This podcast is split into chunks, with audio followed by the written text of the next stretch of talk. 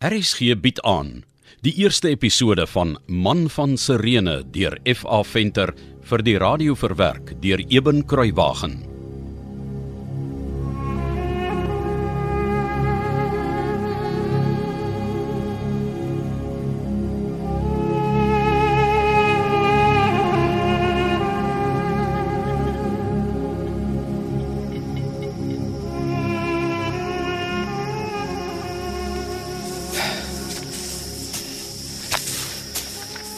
Ezekiel. Ja, Simon. Oh, ek kan nie help om opgewonde te voel om in die bakkende son te werk nie. Want ons is geseënd om 'n goeie koringoes te kon inbring. Jy bedoel al rus die hele sirene op die oomblik. En al lê die adelike skaal was in die stad se marmerbadplase en afkoel. Skaamtelose spulheidene. Nee, ek's 'n man van die grond. En ek sal 'n man van die grond doodgaan. Ek's nie bang vir werk nie. Ja nee. Has niemand in die hele sirene wat sal sê Simon Niger is bang vir werk nie. Kyk net hoe halfwit lê Sirene daar onder teen die see. En hoe blink die koepels in die son. Ek sal nooit moeg raak vir hierdie uitsig nie. Ja, ons is geseënd Simon. Ons is geseënd. Dit grief my net dat die vervloekte Romeine maak of alles hulle sin is. Dis nou sommer hulle see, hulle stad. Asof die Grieke net die stad al gebou gehad het toe Rome nog maar 'n gehuggie was nie. Ja, die swyne. Ek mis die tyd toe die spierwit plat ou huisies met hulle dadelpalms en moerbybome in die agterplase al was wat tussen die terrasse en die see gebou was. Hm. En toe kom die spul Romeine hier aan en bou daai massiewe pretorium vir hulle goewerneur. Vervloekte afgodsaanbidders. Simon. Ek sien al van vroegmôre af hoe bly jou oë soek. Nee, nee, nee, ek bewonder sommer net die grond wat die Almagtige aan my toevertrou het. Hier op die plateau, die graanland. Dan die olyfpoort op die volgende terras. En dan die wingerde wat afloop tot deur heel onder. Nee, Simon Niger. Jy bewonder nie die terrasse nie. Jou oë dwaal veel verder. Hulle bly soek oor die see. Jy is veronderstel om die koring van die kaf met daai oud gaffel van jou te skei. Nie om te wonder waarna ek kyk nie. Ek wil nie help om dit raak te sien nie. Jou aandag is nie vandag so sterk by jou jagbesem soos ander dae nie. Hm? Sê jy nou ek werk half? Natuurlik nie. Simon. Ons loop al baie jare saam. Ek ken jou. Beter as wat jy dink. Ja, Esegiel. Miskien ken ons mekaar te goed. Ons kan weinig van mekaar wegsteek. Dis hoekom ek weet jy bewonder nie die uitsig of die vrug van jou arbeid nie. Jy hou die see dop. Ja, jy's reg. As jy afloop 'n paar dae elke dag 'n skip wat aankom in die hawe. En jou oë bly op die skip wat nou daar van Ostia af nader kom. Ja. Ek wonder of Alexander dalk op hom is. Elke dag hoop ek hy's op een van die skepe wat die hawe inkom. My arme vriend. Ek kan nie eens onthou wanneer laas Alexander kom oorwys dit nie. Seker al 3 jaar. As dit nie langer is nie. Dit moet omtrent so lank wees, ja. Ek kan nie glo daar was 'n tyd toe ek gedink het Rome en Athene is groter as Jerusalem nie. Anders het ek my eersgeborene nooit die naam Alexander gegee nie. Moet jou self tog nie so streng oordeel nie, Simon. Jy het Deborah in Alexandrië ontmoet toe ons nog karavaanhandelaars was. Dit was 'n ander wêreld waarin ons toegeleef het. Ek moes my seuns eerder goeie Joodse name gegee het. Ek was 'n dwaas. Alexander is nou al 'n gerekende seeman. En Rufus word 'n geleerde man daar in Alexandrië. Jy het rede om trots te wees op jou seuns. Hoeveel Joodse ouers se seuns bereik soveel sukses? Asof die feit dat my oudste in diens van die onderdrukkers nie al genoeg is nie. Leer my jongste onder 'n heiden van goed wat van geen belang vir 'n Jood is nie. Wat 'n danige sukses is dit? Ek dink nog steeds jy's heeltemal te kwaai met jouself. Jy's 'n goeie pa vir jou seun Simoniger. Dankie, Esegiel. Ja. Ryk my Juba is ook klaar met die eerste klomp sakke se volmaak. Ja, as ek so na die son kyk, lyk dit omtrent op die middag. Ons kan maar net sowel ophou vir middagete. Jy gaan solank die esels laat suip. Deborah het my beloof sy bring vir my iets om te eet na die olyfpoort. En jy weet hoe sy dit verpes as sy vir my kos aandra. Dan moet wag dat ek ophou werk.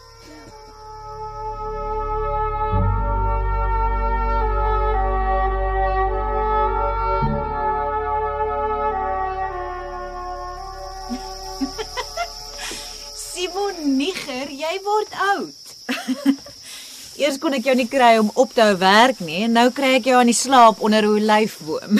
Oh, Deborah. Oh, ek dog ek wag maar vir jou hier onder ons ou boom sodat jy nie vir my hoef te wag nie. Hmm, en toe slaap jy maar sommer in plaas daarvan om te werk, né? Uh, nee nee, ons het net 'n kort rukkie gelede opgewerk. Ek het nie gedink ek sou aan die slaap raak nie. Ag, ek terg net my liewe Simon. Ja, ja, ek weet my liefste Deborah. Saam met jou kan ek nooit oud word nie. O, oh, jou ou vleier.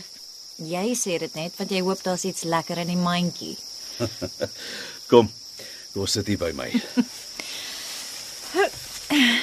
Sjoe. O, oh, dis lekker koel hier in die skaduwee.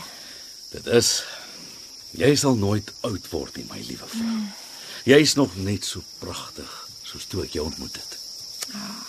En jy's nog net so sterk en onweerstaanbaar.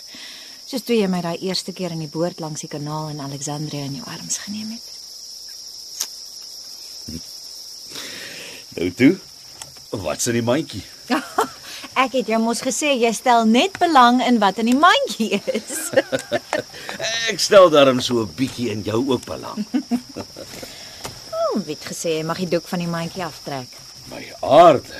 Jy het 'n hele maaltyd saamgebring, Deborah. Ja, natuurlik. 'n Man wat so hard werk soos jy, verdien net die beste. Vars roosterkoek, Ja, van ons eie koring wat ek self gemaal het. nie net beeldskoon nie, maar deugsaam boonop. Die wyse koning Salomo sou jou sekerlik besing het as hy jou moes ken. Ag, toe. Ooh, gebakte vleis. Een van ons skape. Maar natuurlik, net die heel beste vir my man. En vye uit my eie laning, hoop ek. Vra jy nog? En sê asseblief, dis heuning uit my eie korwe. Simon Niger. Sal 'n deugsame vrou dan minderwaardige heuning vir haar man bring? Glad nie. Ooh, is dit nog van die wyn wat ek verlede jaar gemaak het in die karba? Net so my man. En ek het vir jou van die laaste bokmelkkaas gebring wat ek laas gemaak het. Jy's tog so lief daarvoor saam met heuning en vye. Ek het geweet daar moet 'n goeie rede wees hoekom ek jou as my vrou gekies het. Al wat nie van ons grond afkom nie, is hierdie dadels van die Nyl af. Wel, dit is daarom die beste dadels wat daar is. Jy sê so ja. Ek het amper van Sirenes in saamgebring, maar toe onthou ek, jy het gesê hulle is nie vir jou heeltemal so soet soos die van die Nyl nie. Ag, seker maar net Fimies, my liefste Deborah. Wel, fimies of nie, ek het gesorg dat ek vandag vir jou dadels van die Nyl bring. Hoekom word ek so bederf? O, vandag is mos nie 'n gewone dag nie. Nee, Nee. Behalwe as jy nie die waarheid gepraat het nie. jy maak my nou bekommerd. Dit is mos die laaste dag van die oes, is dit nie? Is dit? Simon Niger. Natuurlik is dit die laaste dag van die oes, my liefste. En is die oes goed? Ja, die oes is vet. Die vrate van Rome sal weer lekker kan vreet aan die graan van Simon Niger. Simon, jy moenie so praat nie. Dis waar Deborah. Net vanoggend het daar alweer 'n graanskip in die hawe aangekom. Mense het nog nie eers klaar geoes nie, dan kom voer hulle dit weg Rome toe. 'n 'n graanskip, 'n groote. Jy moet jou nie so oor Alexander bekommer nie. Hy sal nog eendag kom. 'n Mens word voortydig oud as jy jou so oor die kinders verknies. en, en ek wil nie hê jy moet oud word nie. As Rufus weer huis toe kom, dan hou ons hom hier. Rufus. Hy leer Grieks en Romeins en ek moet koringstaners kon gooi vir die vervloekte Romeine. Simon, Hy hou meer van die goddelose Alexandria as van Sirene. hy word slim onder die groot Philo. Eendag is ons Rufus dalk 'n groot, invloedryke man, wie weet. 'n Groot man in die goddelose tempels van Rome. Al wat hy hoef te ken is die wet en die profete. En al wat hy hoef te doen is om te werk soos ek, op die grond waar daar nie sonde is nie. Simon. As Rufus leer, kan hy dalk nog die meester dien. Jy's 'n goeie gelowige Jodin, my vrou. En deegsaam. En deegsaam ja. Maar dink net mooi. Elke somer as die swaals kom, het ons 'n nuwe meester wat Israel gaan verlos. Wat Jerusalem weer groot gaan maak. Ek het 'n gevoel hy's hy's die Messias. Ek kan dit nie help nie. Die Messias. Hy's net so min die Messias as wat daardie doper in die woestyn die Messias was. Ons het almal geglo hy's die Messias en toe, ha, toe die Herodes sy kop laat afkap. Gawe verlosser van die Romeinse juk wat hy was. Maar die keer is dit anders. Nee, my vrou, ek's jammer. Ek het al genoeg van hierdie Galileer gehoor om te weet hy's nie die verlosser. Maar ek sê jou mos, hierdie man is anders. Rufus het laat weet daar's duisende mense wat hom volg. Ja. En kyk hoe hulle agter die doper aangeloop. Wat maak hierdie man dan so danig anders? Simon, jy moet hoor wat hy alles doen. Ha, hy's 'n armsalige timmerman wat 'n spul bygelowige vissers oploop gejaag het.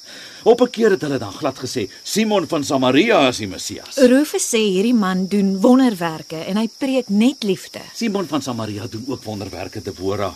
Hy's 'n towenaar. Maar hierdie nuwe hoop agter wie almal nou weer wil aanloop is maar net 'n timmerman. Esegiel sê nou die dag vir my, hy kom glo van Nasaret af. Nasaret, Debora. Sê dit nie al vir jou genoeg nie. En nou het hy boonop sy nering laat staan om te loop en slim praatjies praat. Wil jy dan nie die Messias sien kom nie, Simon? My liewe vrou.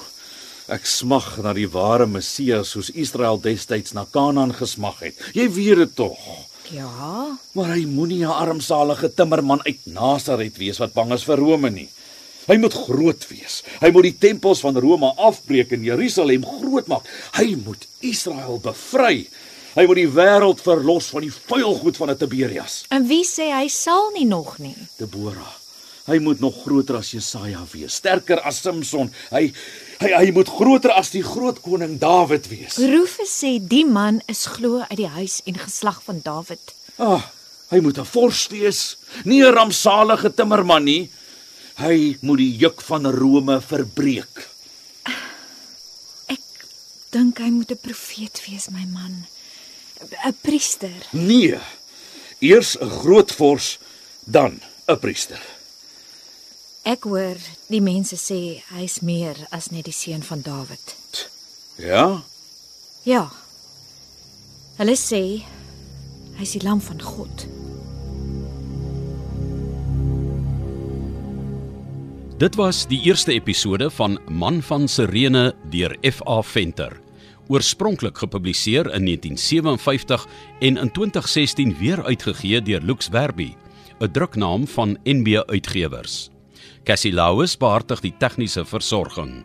Die verhaal word vir RSG verwerk deur Eben Kruiwagen en in Kaapstad opgevoer onder regie van Joni Combrink.